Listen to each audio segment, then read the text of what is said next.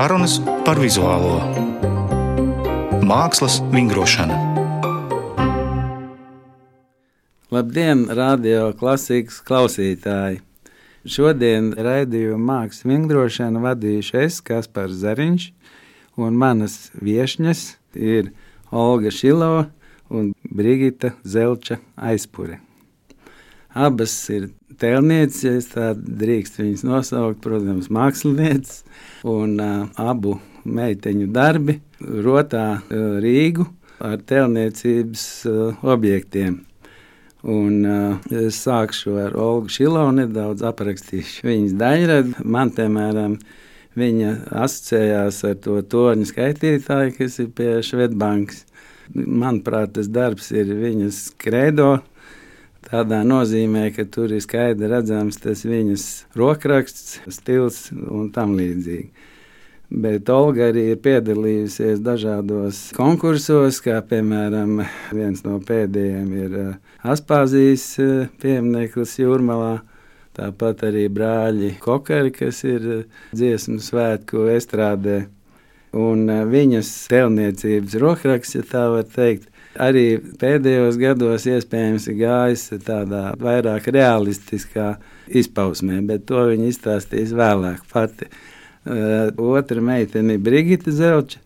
Un, uh, viņas, manuprāt, uh, kredo, kurš vairs nav redzams, kas man ļoti patīk, bija Vīlendorfs Venēras izpausme stiklā, jeb spīdīgos gabaliņos, kas bija pie Mākslas akadēmijas kādu gadu, jeb divu ilgāk. Un, protams, eh, Boris un Inārs Teterevu fondu iespējā sadarbībā ar Helēnu Demakovu.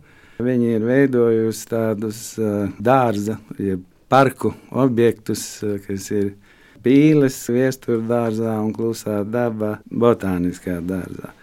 Bet kā parasti mēs runāsim par mākslu, kas ir māksla, pieskarsimies sauktam uzvaras parkam un piemineklim, kas tur ir redzams joprojām. Olga, varbūt tu varētu atbildēt uz jautājumu, balstoties savā daļradē, kas ir māksla un kam viņa ir vajadzīga. Māksla tāda parādība, bez kuras dzīve būtu ļoti garlaicīga un uh, ar to uh, ikdienišķu un uh, racionālo, pragmatisko, paredzāmo. Nu, viņa man nebūtu pieejama man personīgi tā aprēķināto un rentāblo. Mm. Principā viņi iezīmē citu skatu uz dzīvi cilvēkiem. Viņi parāda to, ka dzīve nav tikai aprēķins, ja materiālais, jo dzīvē jā, svarīgākais jā, faktiski ir, ga ir garīgais. Un, jā, tas un, ir garīguma materializācija. Jā, tieši tā, ļoti tā. precīzi identificēts. Jā, ļoti labi pateicis ko tu varētu piebilst. Vienkārši jautājums, kas tavā izpratnē ir māksla, viņas uzdevums saistībā ar savu daļu. Kims jau daudzus gadus mēģina atbildēt, kas ir māksla. Bet, uh, manuprāt, māksla ir kaut kas tāds, kas ir pilnīgi nelietojams. Kaut kas tāds, uh, Mājas ir vajadzīgs, ēdiens ir vajadzīgs, vis, visādas racionālas lietas, bet šeit uh, nepastāv nekāda vajadzība pēc tā, bet nezinu, kāpēc. Jau, ja no Venēras laikiem skatās, ir 30,000 gadi pagājušie, ja sadāk, e, ka cilvēkiem tas ir nepieciešams. Un, e, Tā jau ir tāda unikalitāte tam, ka tu saproti, ka tam racionāli izskaidrojuma nav, bet tas e, katram tomēr kaut kādā veidā ir nepieciešams. Nu, kā tu nonāci pie tās iracionālās jēgas? Kas tev pamudina ieraudzīt kaut ko tādu, ko nevienam nevajag, bet tajā pašā laikā to ļoti vajag. Jo vispār tēlniecība ir viena ļoti sarežģīta lieta. Tas ir kā gleznot ar vienu krāsu, un tēlniecības darbam ir jāparot runāt, dziedāt, dejot, bet viņš ir sastindzis. Tas, manuprāt, ir tas visgrūtākais tēlniecībā. Nu, manā gadījumā, man liekas, man sauc par tēlnieku ir tāds ļoti skaļš izteiciens. Es, eh, Varbūt pēdējos gados vairāk to izmantoju kā, kā izteiksmes formu, vairāk tā ir trīsdimensionāla, bet arī uh, manas skulptūras arī nav bijušas nu, teiksim, vienā krāsā. Tas nav tāds viens uh, motīvs. Jā, tas, uh, ko es gribu teikt par jums abām būtībā, kad uh, no manas bērnības atceros padomu laika telniecību. Viņa bija salīdzinoši brutāla, viņa bija uzspēlēta heroistiska. Uh, vienalga, vai to taisīja vīrieši, jeb sievietes. Bet jūsu gadījumā es teiktu, ka tēlniecība ir atguvusi savu sievišķo enerģiju, jo jūsu skulptūras ir skaistas, maigas, viņas nenes brutalitātes garšu. Tāpēc, ka laikam mēs esam tādā skaistā un mierīgā salīdzinoši laikā dzīvojuši. Un tad varbūt tie apstākļi, kuros mēs esam, un to, ka cilvēks var, nu, cik nosacīti viņš var būt brīvs, tāpēc arī mums nav nekādi tādi konkrēti ierobežojumi, kas citās, eh, citās teiksim, politiskajās situācijās, vai kādās kara šausmās, vai, vai kādos citos apstākļos būtu daudz ietekmēt cilvēku un arī mākslinieku, protams. Teiksim, tāpat eh, ap 1500 gadu visi mākslas darbi ir neprātīgi skaisti radīti. Eh, Leonardo un tā tālāk bija tāds salīdzinoši miera laiks, un, ja kādam tu pajautā, kur ir skaistākie darbi, ko tu esi redzējis, viņš, protams, nosauks tos, kas ir tapuši kaut kādā mazā zemes pleķītī Itālijā un konkrētā laika sprīdī. Tas droši vien vienkārši radās kaut kāda apstākļa, ka cilvēks var būt brīvs. Man liekas, nu, tas, protams, var pretstatīt man daudz, daudzas lietas, ka arī nebrīvē rodās laba māksla un tā tālāk, bet es domāju, cilvēku tādu mākslinieku un jebkura radošā cilvēka to, ko viņš rada, ir tas, kā viņš jūtās. Es Olgai tieši pajautāt, vispār es uzskatu, ka laba māksla vienmēr ir skaista pēc būtības.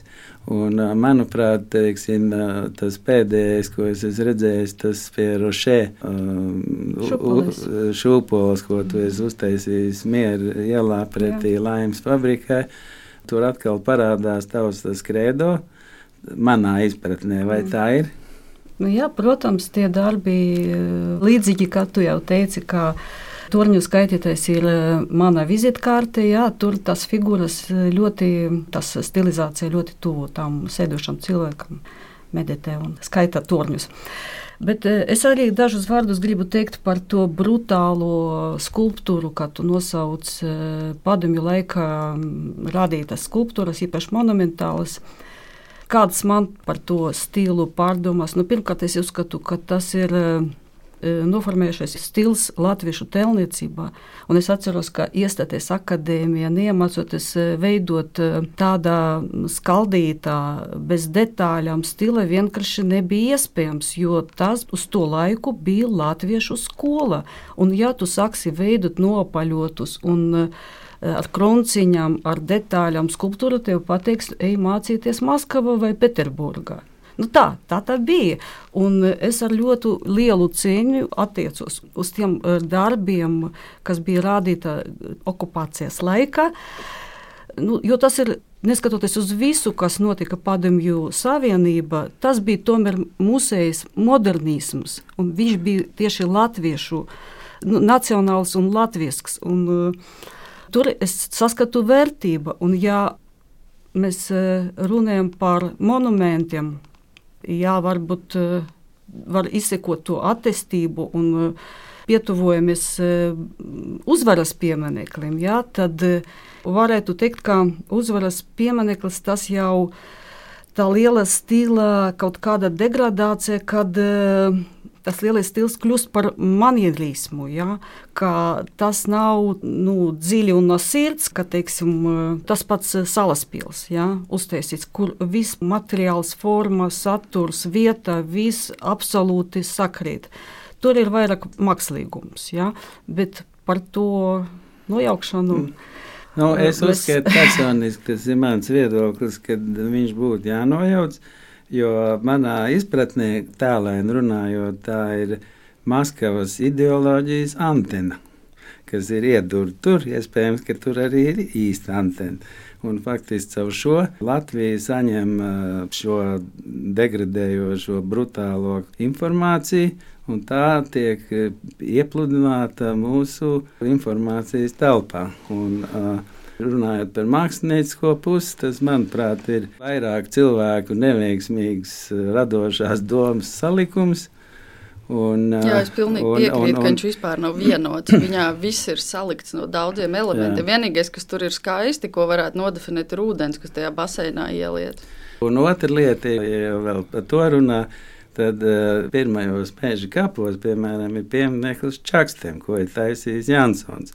Un atkal padomu vara ielikt pretī Vīļu Lāču pieminekli, ko ir taisījis, diemžēl, tas pats telnieks, kas ir taisījis arī uzvaras pieminekli. Un tā ir tā sakritība, jo padomu savienība visās skaistās vietās pie ezeriem sacēla savas armijas bāzes un salika pretīgas betona sēdes. Un tieši tas ir redzams arī šajā pieminekļā. Un es uzskatu, ka vispār, ka, ja nojauc pieminekļus, kā piemēram tur, kur bija Leņķins, nav nekas jāliek vietā. Arī šajā uzvaras parkā būtu jābūt vienkāršai zaļai zālē, skaistiem kokiem. Haidparks tur varētu būt latviešu izpildījumā, kur cilvēki nāk, atpūšās, runā diskutē. Mēs Bet, esam pievērsušies jau pieminiektu tēmai. Jā, ja? lūdzu, izsaka savu viedokli. Es pilnīgi piekrītu par to, ka tā tad mana versija. Es uzskatu, ka skulptūras ir jādemontē, jo vārds graut, iznīcināt, uzspridzināt, viss nes ļoti negatīvu, jebkurā veidā tādu vēstījumu. Nekādi pieminekļu grautiņi un tā tālāk grautiņi neko lielisku nevienam nav nesuši, bet tas uh, objekts vertikālais, kas tur stāv. Es viņu tā kā tādu hrušavu uzskatu, kur jau beidzies ir nu, tas termiņš. Viņam vispār nekāda, nekāda mākslinieckā vērtība manā skatījumā nav. Bet tās divas skulptūras, kā es domāju, ka viņas ir jāpārceļ. No Rīgas viņi ir pavisam noteikti jāizvāc no Rīgas centra, jo tas ir vienā tādā līnijā.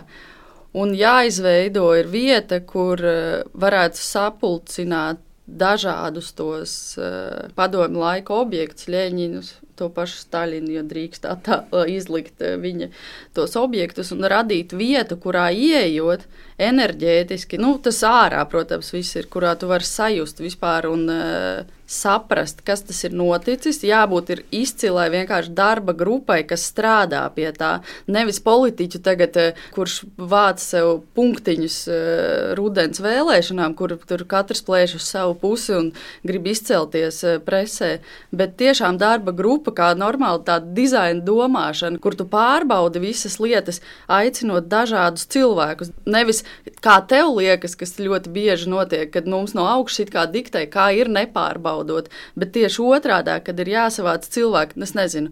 E, paņemsim visus tādus raksturīgākos no pļauniekiem, no arhitektu vides, no visa veida analītiķiem. Jārada kopēja grupa, kas varētu strādāt pie tās vietas izveides kur mēs no, jā. nonesam tos objektus. Īstenībā es domāju, ka tas atkal ir jautājums par kangarismu.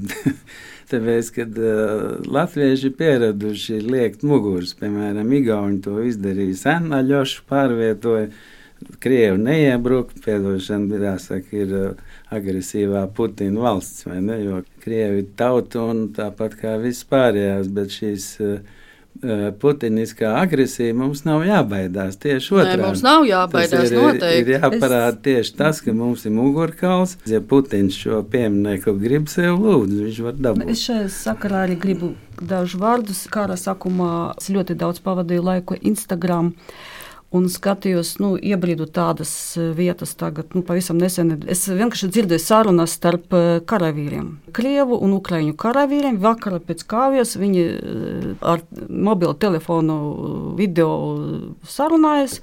Un, protams, ka Ukraiņu karavīrs bija vienmēr paraks, jo viņam motivācija, viņam ir spēks, jā, pārliecība, un krievu viņi kaut kā, nu, kā, nu viņi degra, degradē degradējušies, nu, pat ne tikai degradēta doma. De, jā, jā.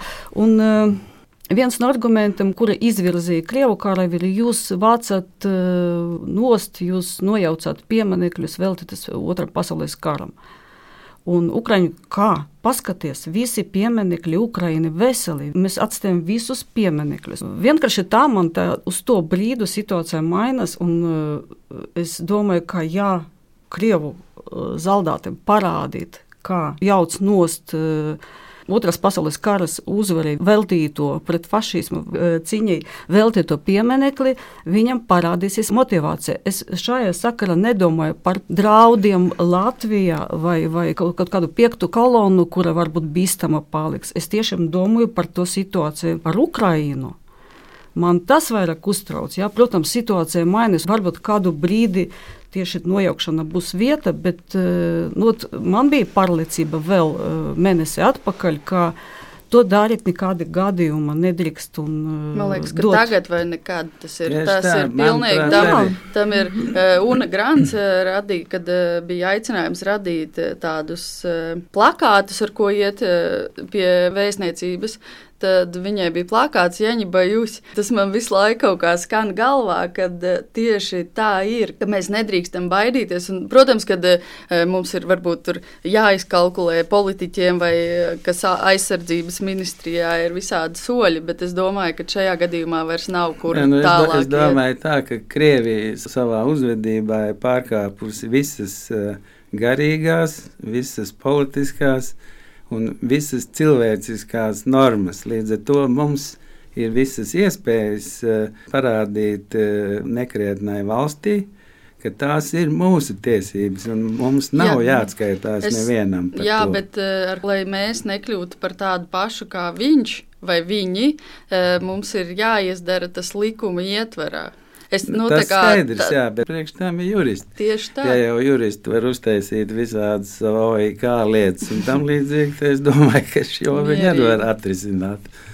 Tā kā un, tur nav, nav, man liekas, vispār uh, apspriežams tas, ka no Rīgas viņš ir. Uh, es par tām skulptūrām domāju arī kaut kādā ziņā par to mākslinieku autortiesībām, kas saglabājas uz visu mūžu. Un es domāju, ka, ja mēs esam tiešām Eiropas, pasaules vieta, tad uh, pret uh, to mums jāizturās ir. Atbilstoši nu, teiksim, likuma normām. Bet uh, visu to laukumu, uh, tur runas par to, vai uzbūvēt tur pāri kaut kādu māju vai vēl kaut ko. Mums jau ir viens kroplis Rīgā, tas Zinātņu akadēmija. Paldies Dievam, ka nu, viņš ir tikai viens. Tāpēc, ka pēc izmēra mūsu tajā vidē, ja vēl kaut kāda tur apkārt, tas vispār kaut kāds murgs, kad es to klausījos.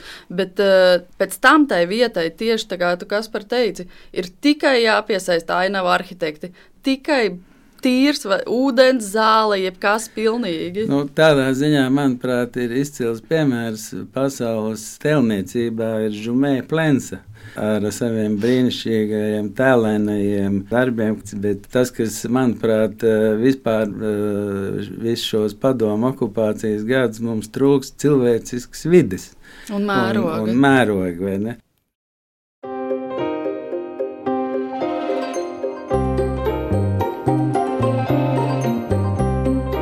Mākslas vingrošana.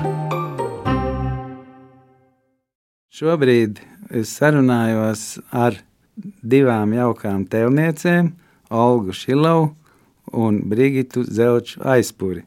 Gribētu, Olga, tev, kur tu redzētu savu nākamo skulptūru, kas varētu rotāt Rīgu, tā kā operas dziedātājs grib nodziedāt, teiksim, tādu un tādu arī, ko tu vēlētos uzbūvēt, ja redzēt savu darbu esam. Nu, kopš 22. gada es vairāk neesmu Telnica Olga Šilova, es esmu valdes locekle Sija Skalptora Lē, tāpat kā mans vīrs. Tas viens moments, jā, un Nu, labi, es domāju, ka arī var būt vīzija. Jā, labi, tad nu, tā ir skulptūra, ņemot vērā tagadējas nodokļu sistēmu, jābūt tā kā nelielāks par metru. Savādāk tu iekriti tāds neapskaužams uh, situācija. Ja? Nu, tas ir, tas Visdrīzāk, ir izmaksu ziņā. Jā, izmaksu ziņā. Jā, konkursā arī kļuva līdz 20 tūkstošiem uh, budžets. Jā. Jā? No 120 līdz 20, pielāgoties uh, nodokļu sistēmai.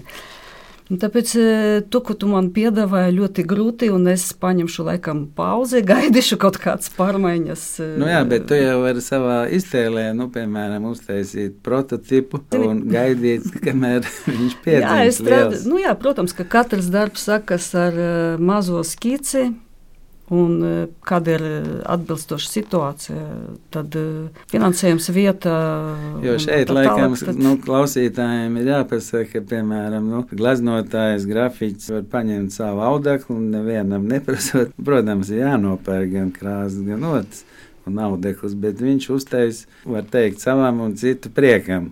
Bet, teiksim, tēlniecībā nu, tas arī grūti, ka, ja tev nav pasūtījums, ne, tu Jā. jau nevari realizēt tādu lielāku, ja puslīdz lielu ieceru, jo Es es vēl- tās izmaksas ir milzīgas. Tu Jā, parunā es par šo. Es pastāstīšu jums vēl vienu jauku ziņu, kā jau vairākus gadus es sastopos ar to, ka pat ja tu saņem pasūtījumu, tad pirms izmaksa parasti ir nu, tas uh, avans, ja? Jā. 20%. Un uh, parasti uh, 20%.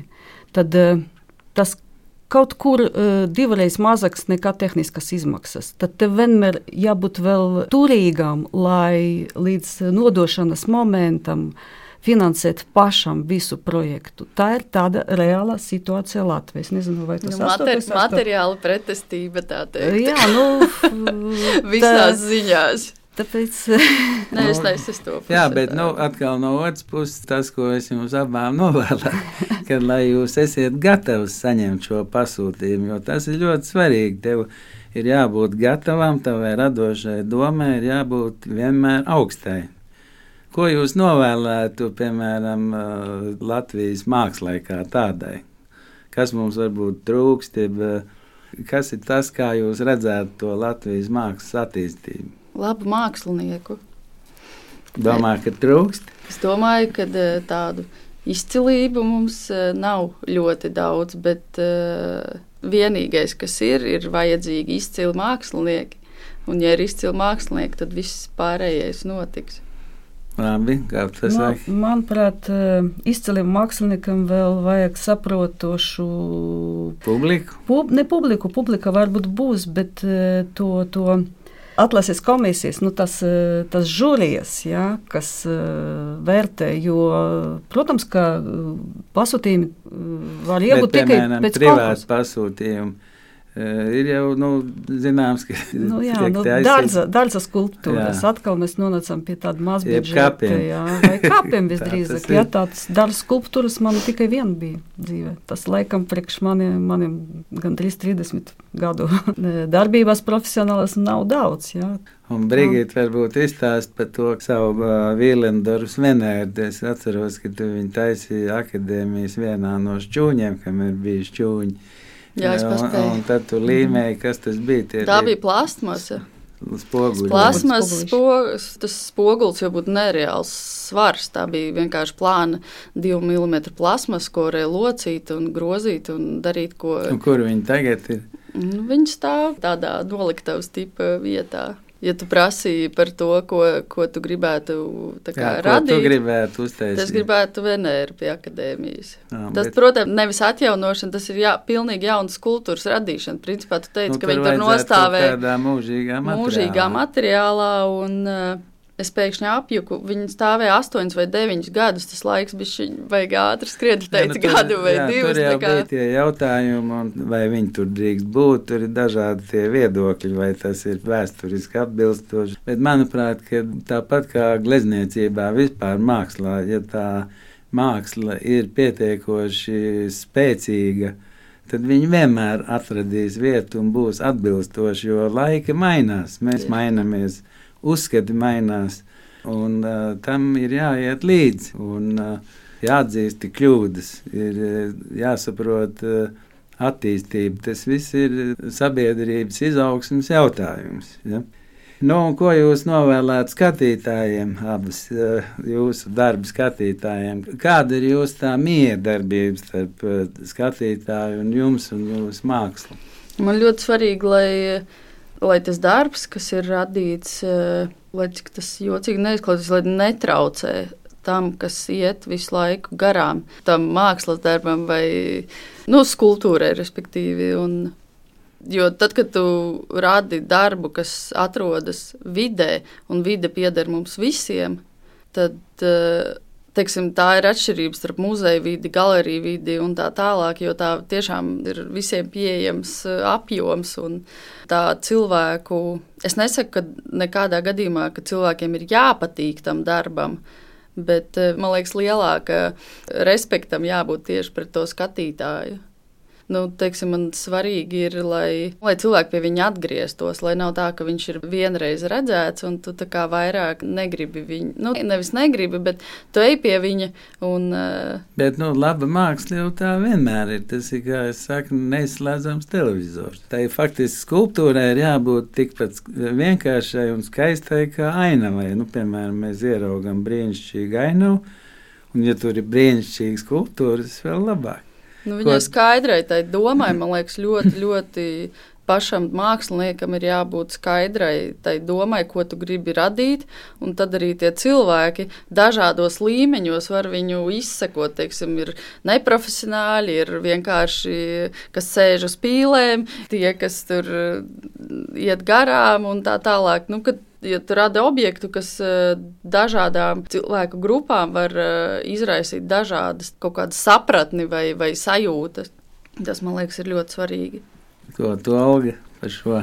Nu, Skulptūra tas ir bezgalīgu rakursu daudzums, bezgalīgu siluetu daudzums. Novēlēt, varbūt eh, prast, eh, baudīt minimālus eh, izmaiņas, kas notiek ar skulptūru vienkārši uz milimetru pagriezot galvu, pa kreisi pa labi jo zīmējums vai glezna viņa divdimensionāla, skulptūra trīs dimensijas, tad ja var iet apkārt, pietupties, nu, tas, tas ir tas grūtākais, jā, ka viņai tas ir, vienmēr ir jābūt. Jā, tas arī mūsu, ar to arī telnieks sastopas, ka liekas, nu tā ir tā kā daba, jā, bet uh, tie, kuri studenti īpaši, kuri braši tā sākt veidot uh, modeli, uh, pēc trim nedēļām saprotu, ka tas nav tik viegli. Brīžiem tā arī nepanāca par visu semestru. To, to. Nu, tas vairāk par cepriekšmetiem. Kas ir eh, jūsu mīļākais materiāls telniecībā, ja jums tā nav? Kurš materiāls ir vērtīgs? Man nav tāda materiāla. Es, eh, man arī nešķiet svarīgi pašai tieši radīt tos darbus. Tā kā tāda kaut kāda materiāls manās rokās, tas laikam nav Tā. īsti par mani. Jā, kā tev ir auga? Nu, Es tā saku no veidošanas, un eh, jebkuram veidojumam māla gala materiāls ir metāls. Tas var būt jebkurš metāls, vai bronza, vai alumīnijas, vai nerosēža terauts, vai, vai čuguns. Jā, tad, un tā tad metāls, jā. Jā, tomēr domāju metāls, bet arī strādāju ar granītu un ilgmūžīgs. Mums jau ir tik slikti laikapstākļi vidas objektiem valstī, kad no plus 3,6 līdz mīnus 20, kad tur teiksim, Spānijas versija ar mozaīku mūsu plašuma grādos nekad neizdzīvota. Tā kā labi vien, ka diženais, eh, diženais piedzima Spānijā. Jā, viens vēl aspekts, eh, kuru varētu novēlēt skatītājiem izbaudīt to mūsu mākslu ilgā posmā.